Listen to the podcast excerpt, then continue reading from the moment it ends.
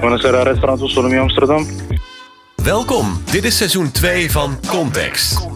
Waarin je ontdekt hoe belangrijk content is voor het bouwen van merken. Anne en Jens van NS5 bestellen elke maand pizza.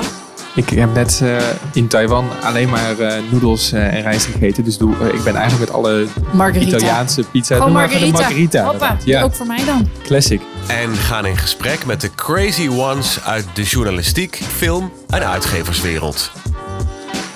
Wat kunnen merkbouwers leren van deze pioniers? In deze voorlaatste aflevering van dit seizoen gaat het over het uitbreiden van je merk. Of sterker nog, het opnieuw uitvinden van je merk. Met wellicht nieuwe verdienmodellen die ontstaan vanuit je community. Dit is echt lange termijn denken, maar dat is enorm waardevol. En het kan ook goed fout gaan als je iets in de markt zet. Dat natuurlijk totaal niet matcht en dat die community dacht, ja wat moeten we daar nou weer mee? Voordat de pizza arriveert hoor je hoe je het slim aan kunt pakken.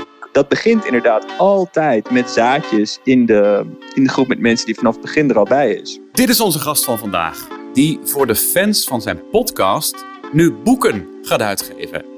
En hoe we op dit verhaal kwamen, dat kan Jens je uitleggen.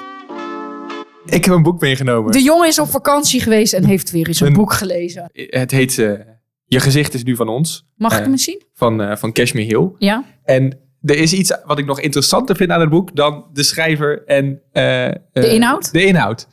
En dat is denk ik hoe die eruit ziet. Ja, wat, wat, wat zie je als je het boek ziet? Ik, ja, het, het is geschreven door Cashmere Hill, maar ik weet nog steeds niet wie Cashmere Hill is. Uh, ik zie geen foto van haar. Ik zie wel een foto van Alexander Klupping en Erjan Fout. Ja, precies. De, de, de uitgever, namelijk uh, de uitgeverij uh, POM, ja. is aanweziger op de cover dan de schrijver. Ja. Ze hebben een merk gemaakt van de uitgeverij. En POM, dat is voor de mensen die het niet weten, dus, staat voor Podcast over Media. Dat zijn Alexander Klupping en Ernst Fout. Die hebben al inderdaad bijna tien jaar, geloof ik, hebben zij een podcast over media, technologie, ondernemerschap. Uh, best wel een niche uh, doel, community die ze daar omheen hebben gecreëerd. Precies jouw community volgens mij. Ik zit ja. er toevallig in. Ja. En uh, zij hebben op met deze manier gezorgd dat hun hele community ze mee hebben genomen naar een nieuwe bron van inkomsten eigenlijk. Namelijk boekenverkoop. Ze zijn Ja. boeken gaan verkopen. En het grappige is, ken jij een, de uitgeverijen zijn normaal gesproken, weet je helemaal niet als je een boek hebt gelezen. Nou ja, we kunnen het even Welke, voice-over welke vragen. uitgeverij dat is. Ja. Eh, noem eens drie Nederlandse uitgeverijen op. Ehm, de bezige bij, Bruna De uitgever. Bruda is winkel. Ja, nee, nee, dit zie je, dit duurt al lang. ja, dat ik denk als je internationaal toevoegt, dan weten mensen nog steeds niet. Ja. Ehm uitgeverijen zijn eigenlijk een soort white labels. We kennen de producten wel, maar we kennen niet het moederbedrijf erachter. Ja. En Dus- dat draaien zij om. Dat vind ik toch wel pionierschap eh, betuigen. En dat is denk ik, ja, Alexander Klupping kennen. Ze willen iets bewegen in de tijdperk. Dus laten we hem vooral bellen en het hem zelf vragen. En vooral ook wat wij als merkbouwers en merken eh, hiervan kunnen leren. En terwijl in de digitale Rolodex het nummer van Alexander Klupping wordt opgezocht, heb ik als voice-over even de tijd om hem te introduceren. Een van Nederlands bekendste internetondernemers is het. Alexander, kunnen wij een plaatje zien van de iPad? Ja. Zo hij medeoprichter van Blendel, initiatiefnemer van de Universiteit van Nederland en bedenker van POM. POM staat voor Podcast over Media. Die maakt hij samen met zijn vriend Ernst-Jan Fout, die we weer kennen van De Correspondent. In POM bespreken de mannen wekelijks wat hen bezighoudt. Van productiviteit tot gadgets. En nu is er dus een eerste boek onder de naam van POM Press. Met Alexander. Hey Alexander. Hey, Ja, wij willen het even met jou hebben over een boek dat Jens afgelopen vakantie in Taiwan heeft gelezen. ja. eh, ik heb inderdaad eh, Je gezicht is nu van ons gelezen. Het eerste boek van, eh, van jullie uitgeverij. Jij samen met Ernst Jan Fout, eh eh, Pom Press. Eh, Zeker. Kun je iets vertellen over, want eh, ja, ik ken jullie natuurlijk van de, de podcast Pom. We moeten even eerlijk zijn, Jens is echt een groupie van jullie. Dus Ik, ik luister al een eh, lange tijd. Dus eh, ik ben. Cool, ja, cool, ik ga, cool. mijn eerste vraag is eigenlijk: wat ben ik eigenlijk voor een soort eh, persoon dat ik in die eh, community zit? Hoe zou jij de POM-community omschrijven? Nou ja, onze podcast begon toen Ernst directeur was voor de correspondent en ik eh, directeur was van Blendel. Dus allebei nogal in de Nederlandse mediawereld, eh nou ja, ondernemend. En het, uh, eigenlijk sinds het begin zijn we allemaal zeg maar tech-ondernemers, media-ondernemers nieuws gaan bespreken. Omdat we dachten, er zijn vast meer mensen die het leuk vinden om te horen wat we meemaken. Een soort van analyses of een soort van voorspellingen. En dat is best wel uit de hand gelopen. Want van iets wat we uh, sporadisch deden, werd het opeens uh, wekelijks. Omdat, omdat we het niet meer konden volhouden dat dat gewoon maar op random momenten uitkwam. En het hoogtepunt kwam voor ons toen Podimo in Nederland lanceerde en zij de podcast exclusief wilden maken voor hun. Uh, dus sinds anderhalf jaar of zo maken we nu veel, met veel plezier die podcast bij Podimo. En de community is sinds het begin een soort van groeiende op Telegram. Wordt eigenlijk alles over media nieuws, technologie nieuws uh, en, en ook productiviteitshacks. Want dat is ook wel een soort van ding. Waar kun je uh, hoe kun je productiever worden met wat voor tools en apps en zo. Dat, daar, dat is, de community wordt lijp van dat soort dingen. En ja, het is best wel een grappige mix van mensen die aan de ene kant heel erg houdt van mooie dingen, esthetiek. Mm -hmm. En aan de andere kant van uh, handige, praktische dingetjes. En uh, daar de hele dag dol is met allerlei uh, gesprekken ja. met elkaar. En daar hebben jullie op een gegeven moment gebruik van gemaakt. Want jullie dachten, we kunnen meer doen dan alleen die podcast. We gaan ook een, een uitgeverij beginnen. En dan hier inderdaad het eerste, eerste boek. Um, hoe krijg je die, die, die community die je dan hebt opgebouwd, hoe krijg je die dan mee naar dat boek? Wat, wat is dan de belofte die je geeft uh, om, om zo'n boek te, te, te, te lezen? Nou, eigenlijk voelt het heel organisch, omdat we al sinds het begin heel veel praten over boeken die we met veel plezier hebben gelezen. En ik denk ook als je de boekenkast van de gemiddelde pomluisteraar bekijkt, dan zijn daar een soort van. Daar zijn, daar zijn overeenkomsten uh, in. En Geef, ja. ik zie Jens nu echt nadenken. Ja. ja. pastoor. ja, nee, dat is er één. Maar er zijn er wel meer businessboeken of boeken die over technologie gaan. En, en ik weet niet, het is alsof als je bij mensen voor het eerst een huis binnenkomt en je ziet een boekenkast, dan kan je toch een beetje inschatten wat voor soort mensen het zijn. En wij praten over boeken die dan door een heel groot deel van die community gelezen wordt. En nou, dat, is, dat is gewoon heel erg leuk. Het voelt als een soort van boekenclub. En het voelt op een bepaalde manier dus als een heel soort van klein stapje om dan zelf boeken te gaan uitgeven. Het boek van Cashmere Hill, wat we hebben uitgegeven, uh, Je gezicht is nu van ons over gezichtsherkenningstechnologie, voelt als een maatschappelijk heel belangrijk mm -hmm. uh, boek. Een belangrijk uh, onderwerp waar, waar het niet zoveel over gaat, maar waar wel heel veel gevolgen zouden kunnen zijn als dat meer gemeen goed wordt, die technologie. Maar we willen ook boeken gaan uitgeven die veel meer, ja, die minder soort van waarschuwend zijn, maar die juist veel praktischer zijn in je leven. Echt een ander onderwerp wat gewoon heel erg in onze community speelt. Dus we zijn dan met auteurs bezig om echt boeken te gaan schrijven. Dus het eerstvolgende boek is van Roland Groteboer. Dat is de ex-HR-baas van Blendel. Die werkt nu bij Google. En die wil een boek gaan schrijven waardoor je als werknemer beter snapt wat je baas allemaal wel weet. Uh, dus uh, ja. hoe, hoe, moet je over salaris onderhandelen en zo. Uh, maar wat jij vaak niet weet als je, als je werkt, of zelfs al best wel een tijdje werkt. Nou, en die, die disbalans wil hij dan herstellen in een soort praktisch boek over hoe je met je carrière om moet gaan. Dat past ook bij POM. Ja. Maar jullie gebruiken ja, de community dus eigenlijk ook als soort input uh, het is niet uh, Alexander en Ernst-Jan gaan zich opsluiten op een zolderkamertje. Even navelstaardig naar elkaar kijken. Wat vinden wij interessant? Maar jullie luisteren ook wel echt naar... oké, okay, wat speelt er in de doelgroep? Wat slaat er aan? Welke onderwerpen? Nou, de podcast is daar nou natuurlijk ook een goed, goede testcase voor. Maar de community is wel echt ook leidend bijna, als je het zo Zeker. En mijn, mijn, ik denk mijn belangrijkste manier om social... Zeg maar, het belangrijkste wat ik heb aan social media en onze community... wat ik ook een soort van afgeleid... Zo'n chat-app, dus bedoel ik het afgeleide van social media... Uh, is dat ik ideeën kan testen en dan kan zien hoe het valt. Dus ik kan in de... Uh, als ik op tv iets ga roepen, dan heeft dat gelijk veel uh, impact... omdat er veel mensen naar luisteren...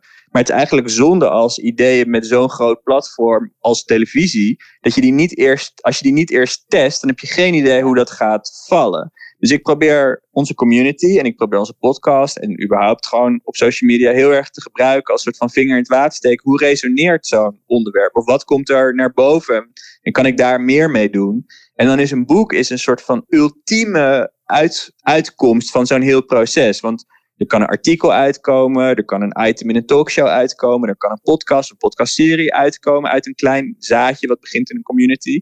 Maar een boek is echt, nou ja, daar is iemand jaren mee bezig om dat te schrijven. Er gaat ongelooflijk veel aandacht in één heel klein product. Het voelt echt als een soort van ultimum, ja, als een drager van ideeën. Ja. Dus eh, dat is ja, het meest ultieme eh, ja, uitkomst die uit de community kan komen. En die, dat begint inderdaad altijd met zaadjes in de, in de groep met mensen die vanaf het begin er al bij is. Dan doen jullie echt radicaal iets anders dan de meeste uitgeverijen die ik ken ehm, en af en toe ook mee heb gewerkt. We hadden het er net al over. We vroegen aan ons voice-over, noem eens drie Nederlandse uitgeverijen op. Nou, de gemiddelde Nederlander zou het niet kunnen. Ehm, maar jullie maken eigenlijk de community heel belangrijk, maar ook POM als merk. Want Ja. als wij kijken naar het boek. ehm, ik heb Cashmere heel net even op Google ingetikt, zodat ik weet hoe ze eruit ziet. Want dat kom ik niet achter op de achterkant van jullie boek. Ik zie jullie hoofd inderdaad op de achterkant staan. Niet die van Ja, Cashmere nee, Hill. ons logo, Mm. het logo op de rug van het boek is groter dan de naam van de, van de auteur. Dat klopt. En dat is, ja, dat is heel ongebruikelijk. Ik, En waarom ik heb je daarvoor gekozen? Weerstand. Nou, omdat wat we hopen is dat het, eh, en dat is- Ernst heeft natuurlijk ook wel lessen meegenomen van de correspondent, een, een, een hele succesvolle nieuwe boekenuitgeverij in Nederland. Is Ja. dat mensen bijna zonder dat ze de auteur kennen, puur omdat het een, de correspondent het boek uitbrengt, staat het voor, ja, het staat voor kwaliteit. En je weet, je weet dat je het wel boeiend gaat vinden als de correspondent een boek heeft uitgegeven. Ja. En zoiets zouden wij ook willen. Dus we willen het houden bij weinig boeken. We willen het houden bij onderwerpen die dicht bij ons merk staan. Dus dat je weet wat je gaat krijgen, ook al ken je de auteur niet. Maar het gaat wel alle kanten op. Ja, en ik denk dat de, de truc zit hem erin om een soort van harde kern te hebben. En dat zit hem inderdaad in, in onze interesses en de personen die wij zijn. Daar begint het mee. Maar je kan dat denk ik zien als een soort van cirkel in het midden. En we zoeken daar dan de hele tijd overlappende cirkels. Ja. Die aan de uiteinden zitten van, weet je, van waar wij zelf voor staan.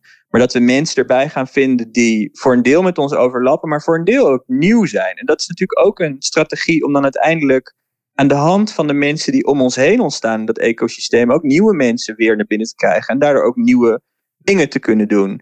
En dat Ja. heeft het risico dat het te veel verdunt. Eh, dat, dat realiseer ik me ook wel. Maar aan de andere kant, het is ook een manier om het merk als, als wat in principe iets heel niche is, om dat ook als, ja, proberen als olievlek te laten groeien. Doordat we allemaal mensen om ons heen verzamelen die wel iets met ons te maken hebben, maar wel echt op zichzelf gaan staan. Dat we voor iedere auteur die bij ons gaat uitkomen, eh, een eigen social following bouwen. En dat gaat Ja. voor de een Ja. zal het op LinkedIn zijn. En dat, en dat je de hele jaar door eigenlijk distributie hebt in plaats van één lanceermoment van een boek. Ja. Hoe boeken nu uitgegeven worden door traditionele uitgeverijen, dat kan gewoon echt niet meer. En, en ik denk dat we het aan het uitvinden zijn hoe het dan wel moet. En we hebben de Ja. oplossing ook niet. Maar we zijn wel heel erg aan het proberen om nieuwe dingen te doen. Jullie zijn het wel aan het opschudden, inderdaad. En wij zien een beetje wat jij net over de uitgeverwereld zegt, dat ook de advertisingwereld zich echt opnieuw aan het uitvinden is, maar ook moet. Ehm, het is niet meer de, de, de wereld van alleen maar massamedia en je zendt een boodschap. Ja, als je genoeg geld hebt, kan je altijd alles on top of mind maken. Maar eh, die communities kunnen echt voor je merk ook werken, als je dat goed doet. Wat denk jij dat merken kunnen leren van deze tijd? ik denk dat het wel echt begint met, met intrinsieke motivatie. Want als, ik denk dat mensen het van, van, een, van een hele grote afstand ruiken eh, als, als zo'n als zo'n community, als dat niet ge- geaard is in iets. En bij ons is dat, is dat geaard in, in intrinsieke motivatie om over een aantal onderwerpen te praten, waarbij het dan toevallig is dat daar een community bij ontstaat. Dat is niet gepland of zo. Dat is, niet, dat is echt ontstaan uit iets wat heel echt is. En ik, ik denk dat je daar. Ik denk, ik zou dit niet kunnen eh, bedenken voor ieder ander merk. Omdat dit, ja, hier, is het, hier wordt dat echt doorvoeld. In ieder Mhm. geval door een eerste kring Ja. mensen. En dan eh, vervolgens is het eh, heel veel risico's nemen. Want wij doen ook de hele tijd dingen waar die community boos over wordt. Eh, en we doen ook dingen waardoor de community eh, eh, het gevoel van samenhang krijgt en dat er een beetje vuur in, in komt. Waar waren ze echt boos over? Gewoon even Juice kanaal.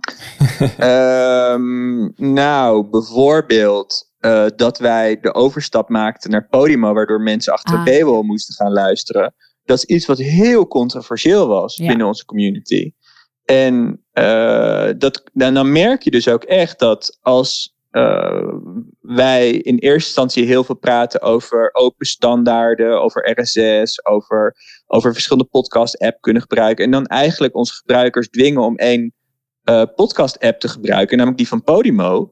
Dat dat voor heel veel vrevel zorgt. En dat komt dan gewoon omdat het niet matcht bij het merk. Ja. Dus de, mensen hebben een soort van. Wij hebben dat merk gebouwd met dus heel fijnmazige ideeën. En je merkt dan dus ook echt dat mensen dat heel serieus nemen als je niet lijkt te handelen naar die waarden. Ja. Ja. Dus dat is een voorbeeld waar we echt keihard de deks op de neus krijgen. En ja, ik ook wel een soort van avonden uh, vrij chagrijnig op de bank zat om dat allemaal te aanschouwen. Over, ja. Maar ja, people care. Dus het is wel iets waar, waar men, het is niet alsof ze met de petten naar gooien. Ze worden boos en het is ergens ook een teken van liefde, toch? Ja. Als je Ja. beslist je ergens Ja. boos over te maken.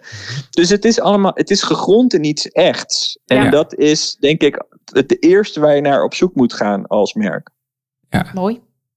Ik denk dat wij hier wel over door kunnen praten. Dankjewel, Alexander. Nou, veel plezier met het doorplaten. Ik ga terugluisteren wat jullie eh, gezegd hebben. Zullen we het even samenvatten? Ik heb een paar dingen meegeschreven als voice-over. Geloofwaardigheid is het allerbelangrijkst. Mensen ruiken het als het niet oprecht is. Dus een community bouwen rondom niks eigens, dat wordt lastig. Het heeft dus geen zin om maar iets te gaan bedenken. Het moet spontaan ontstaan. Aan de ene kant durf en neem risico's, maar plant wel een zaadje in je doelgroep om alvast te testen wat er leeft en waar je mee zou kunnen groeien. Want people care. Wat jullie, eh, Anne en Jens? Ik vind het gewoon interessant dat we eh, best wel een lijn zien nu in deze podcast tussen alle mensen die we hebben gesproken. Ook in de vorige afleveringen. Ja, Ehm, hij, hij bouwt een community en vanuit eigenlijk nou, niet eens zo bewust.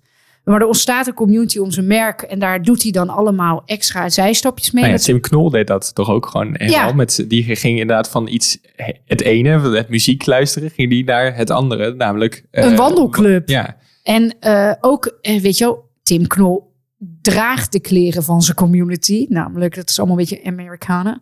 Ehm, het gaat over het buitenleven en het wandelen. En het is de muziek. Dus het heeft ook allemaal verschillende disciplines. Maar het hangt wel allemaal samen met de mensen die hij aan wil spreken.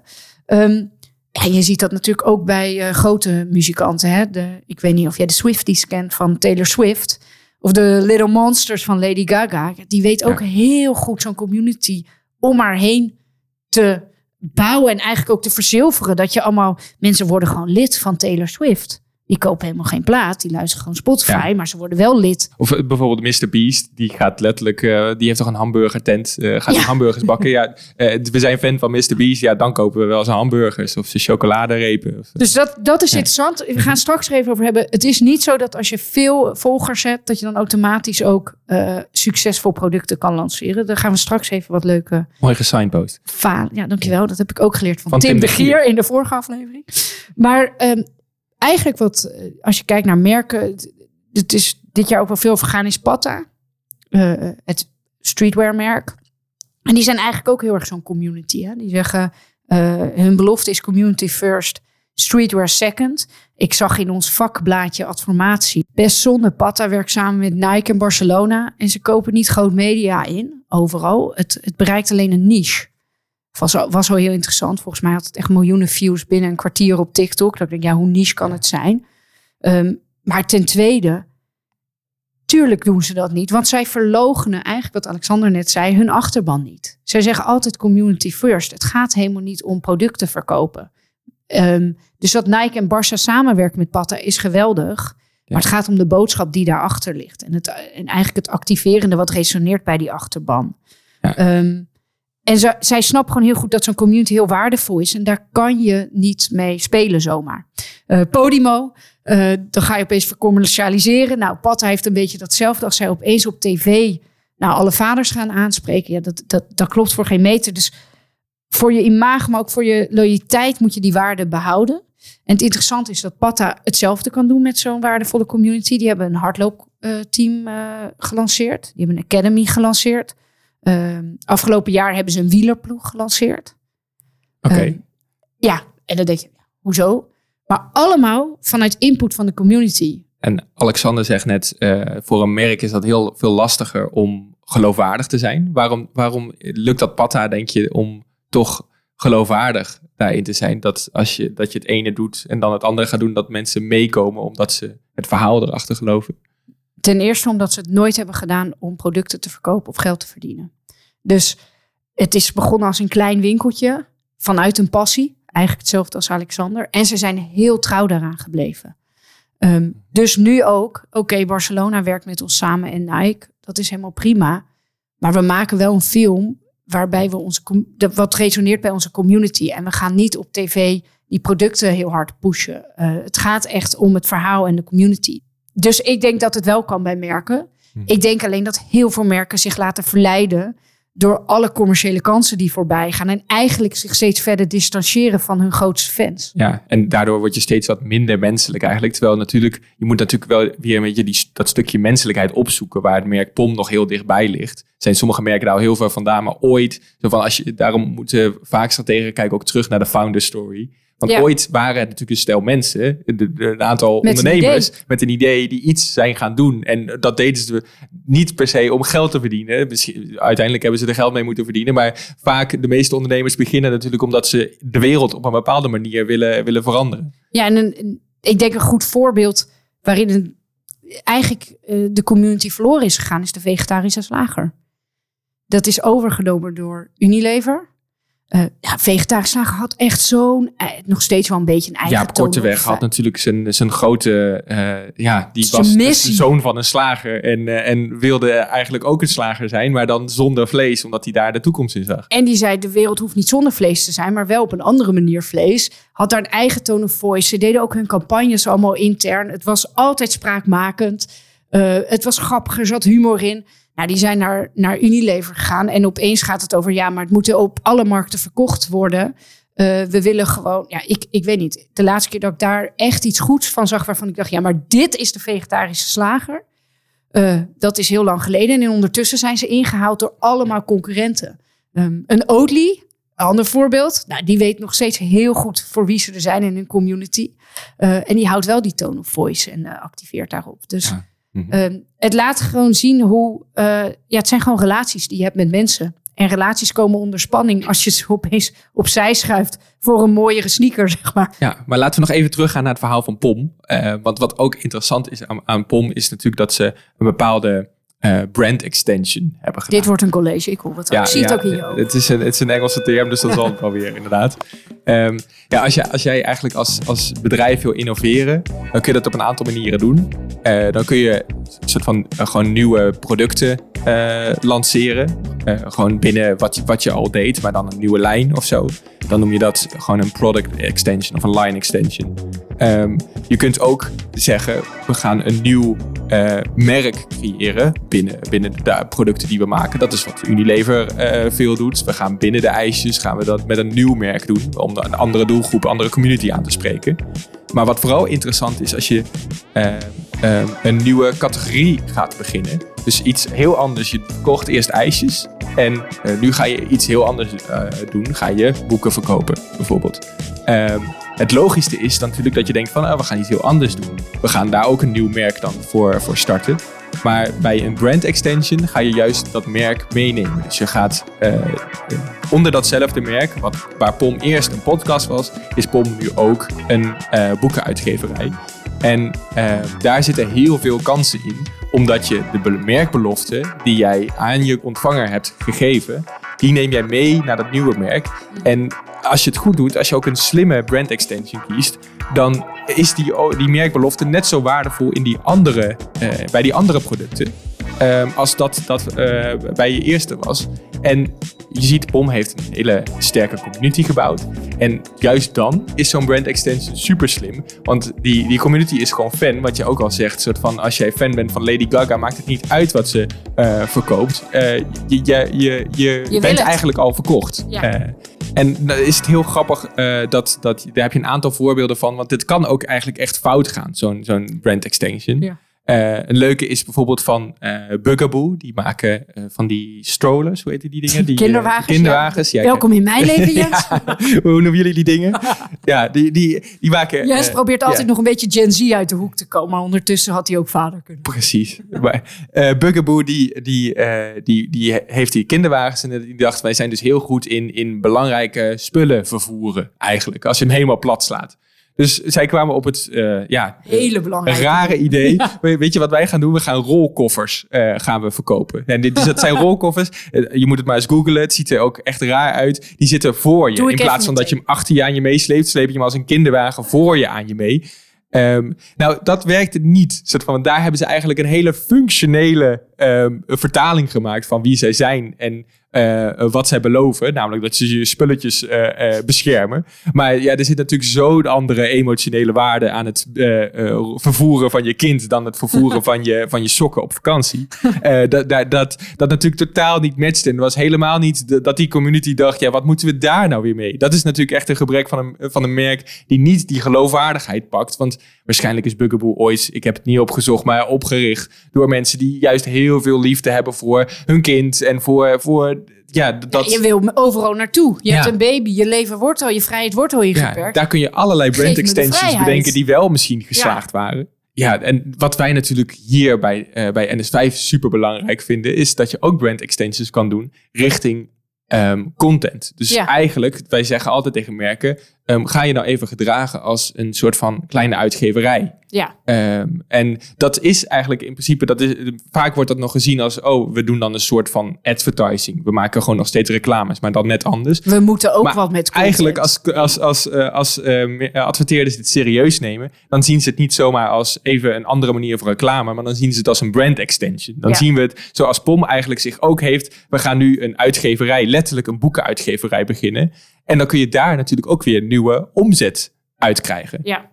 En- Eigenlijk in de tijd van nu zijn die communities, als je dat goed doet, een manier om hele nieuwe verdienmodellen te creëren. Ja, Ik, ik zeg het gewoon maar even voor de marketeers die luisteren. Uiteindelijk willen we geld verdienen. ja. Eh, dat is toch ook een beetje eh, inherent aan dit vak. Eh, en die verdienmodellen zijn er wel. Maar het begint wel ook echt bij die geloofwaardigheid en dat goed doen. Ja. Hebben we een voorbeeld? Ik vind Barbie to do? You have to go to the real world. Afgelopen jaar was natuurlijk, eh, is niemand ontgaan. Een eh, enorm voorbeeld van iemand die natuurlijk zich gedragen als een uitgeverij echt serieus heeft genomen. Omdat ze echt een soort van, niet van, oh we gaan wat content maken. Ze gaan een gigantische bioscoopfilm, gaan voor die bioscoopfilm heel veel reclame maken. Niet voor hun Barbies, maar voor hun bioscoopfilm. Omdat ze alles op alles willen zetten om dat een succes te maken. En alleen die bioscoopfilm op zich, die heeft natuurlijk al onwijs veel omzet gegenereerd. Waar eigenlijk het hele grapje al mee is betaald. Maar dan heb je het nog niet eens dus inderdaad over wat dat met het merk Barbie heeft gedaan. Hoe dat een nieuwe generatie weer ehm, als nieuwe community rondom Barbie heeft gevormd. Door zich heel erg te positioneren in een, in een verhaal van, van eh, eh, vrouwen en, en eh, Inclusiviteit, feminisme, ja. inclusiviteit. Daar hebben ze zich heel erg sterk in weten te positioneren. Ondanks ook door, dat heeft ze ook daarin denk ik het meest geloofwaardig gemaakt. Dat ze juist zichzelf niet helemaal verheerlijkte. Maar de, de, de Mattel, de, de maker van Barbie, had een rol in de film en was, eigenlijk de slechterik. Dus Ja. da- door eigenlijk zichzelf ook niet helemaal op te le- hemelen van wij zijn geweldig, maakt het eh, voor de community veel geloofwaardiger ehm, om, om dat te accepteren en dat verhaal te omarmen. Maar in alles. Want hier is de les eigenlijk die Alexander net ook zei vanuit POM. Mattel, eh, niet voor niks, eh, de, de, de, markt, de hoofdmarketeer daar komt ook uit de wereld van Disney en, en, en films maken en zo. Maar die heeft geluisterd naar, oké, de, de community die ze willen aanspreken. Wat zijn belangrijke waarden voor hun? Nou, Barbie was daar, paste daar eigenlijk niet meer in. En toen heeft hij dus ook een schrijver, een scriptschrijver aangesteld en een regisseuse ehm, die heel, eigenlijk heel feministisch zijn. En daar ook heel erg zelf een community op hebben. Een beetje wat, hij, wat, wat Alexander net zegt van... oké, we hebben het merk POM. En we zoeken auteurs daarbij die aan de randen zitten... om nieuwe communities aan te spreken. Nou, Mattel heeft een filmregisseuse gevraagd... die een hele andere achterban heeft dan Barbie. Maar ergens, als ze het goed doen, kunnen ze elkaar wel Ja. vinden. Ja. En ze hebben haar de volledige vrijheid gegeven... om dus ook, nou, ook een, een kleine...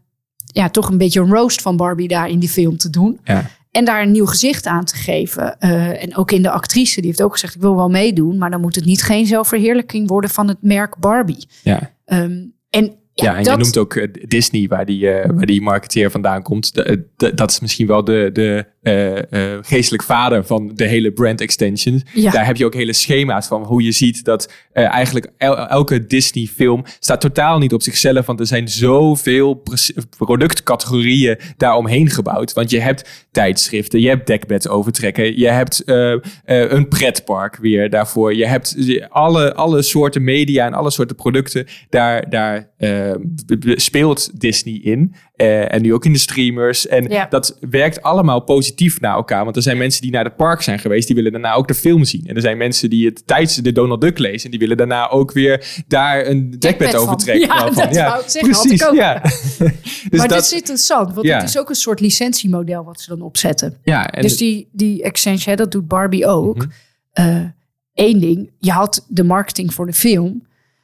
Elk merk heeft ook nog betaald voor de licentie om iets met Mar- Barbie te doen. Een Airbnb Barbie huis. Nou, ik weet niet, Barbie zat in elk product. Dus dat was ook nog een derde verdienmodel. En dat is natuurlijk wat Disney ook doet. Ja. Die heeft dan licenties. En dan zeggen ze, nou is goed, Bugaboo. Jij mag wel een Barbie Bugaboo maken. Maar dan moet je dan ook weer voor betalen. Ja. Eh, dat is niet gebeurd. Ik denk ook niet dat dat succesvol is geweest. Maar het is wel een... eh, Ja, dus van de, eh, Alexander en eh, Ernst-Jan zullen hopen dat ze in de toekomst CNA belt of ze misschien een POM-petje Ja. kunnen, kunnen verkopen. Ja. En dat dan onder die licentie daarvoor gaan betalen. ja. Oh, Hey. Dan even concreet. Ja. Je bent een merkmarketeermaker die luistert. Wat kunnen we nou leren van, van, van POM, maar ook eigenlijk voor merken? Dat begint bij geloofwaardigheid. ja, als je niet geloofwaardig bent, dan, dan ja, kun, je ook niet mensen meenemen in nieuwe dingen die je vertelt. Want mensen volgen je niet. Van mensen volgen je pas als je een bepaalde eh, ja, credibility hebt bij een bepaalde eh, doelgroep opgebouwd. Dus bij een bepaalde community. Zoals POM dat heel goed heeft gedaan bij één community waar ze jarenlang aan hebben gewerkt. Elke merk heeft wel een soort van die community, maar die moet je wel zoeken, vinden en kennen. Eh, en moet je ook naar luisteren. Ja. En luisteren. ja. Dus ook ophalen. Je zegt het nu al een aantal jaar. Dit ga je niet in twee weken neerzetten. Eh, dit is echt lange termijn denken, maar dat is enorm waardevol. Eh, ik denk Nike heeft ook enorm veel fans natuurlijk. Al die grote merken. Dat doen ze echt door jarenlang hetzelfde consistente verhaal te vertellen. En daar ook eh, de community zich groot te maken. Nike heeft bij elke grote campagne in verschillende regio's, dus zelfs de stad Parijs, krijgt dan een spin-off van die campagne dat gericht is op de community daar en de problemen die daar spelen. Die denken echt na over dat community denken. Ja. Eh, dus dat is lange, la- eh, lange, lange adem. Het is geen televisie waar je gelijk op gaat. Dus probeer ook dingen. Ja, dat vond ik echt een goeie. Ja. Van, je kan dingen gewoon proberen en mensen worden boos en soms moet dat ook. Maar ga ook in gesprek. Ehm, en ik denk eh, eh, het laatste, ja, als je dat dan hebt, dan kan je echt heel veel kanten met zo'n community op. En dan kan je ook die brand extensions eh, gaan doen. Drie marken. Nou, Kijk, lekker. Lekker.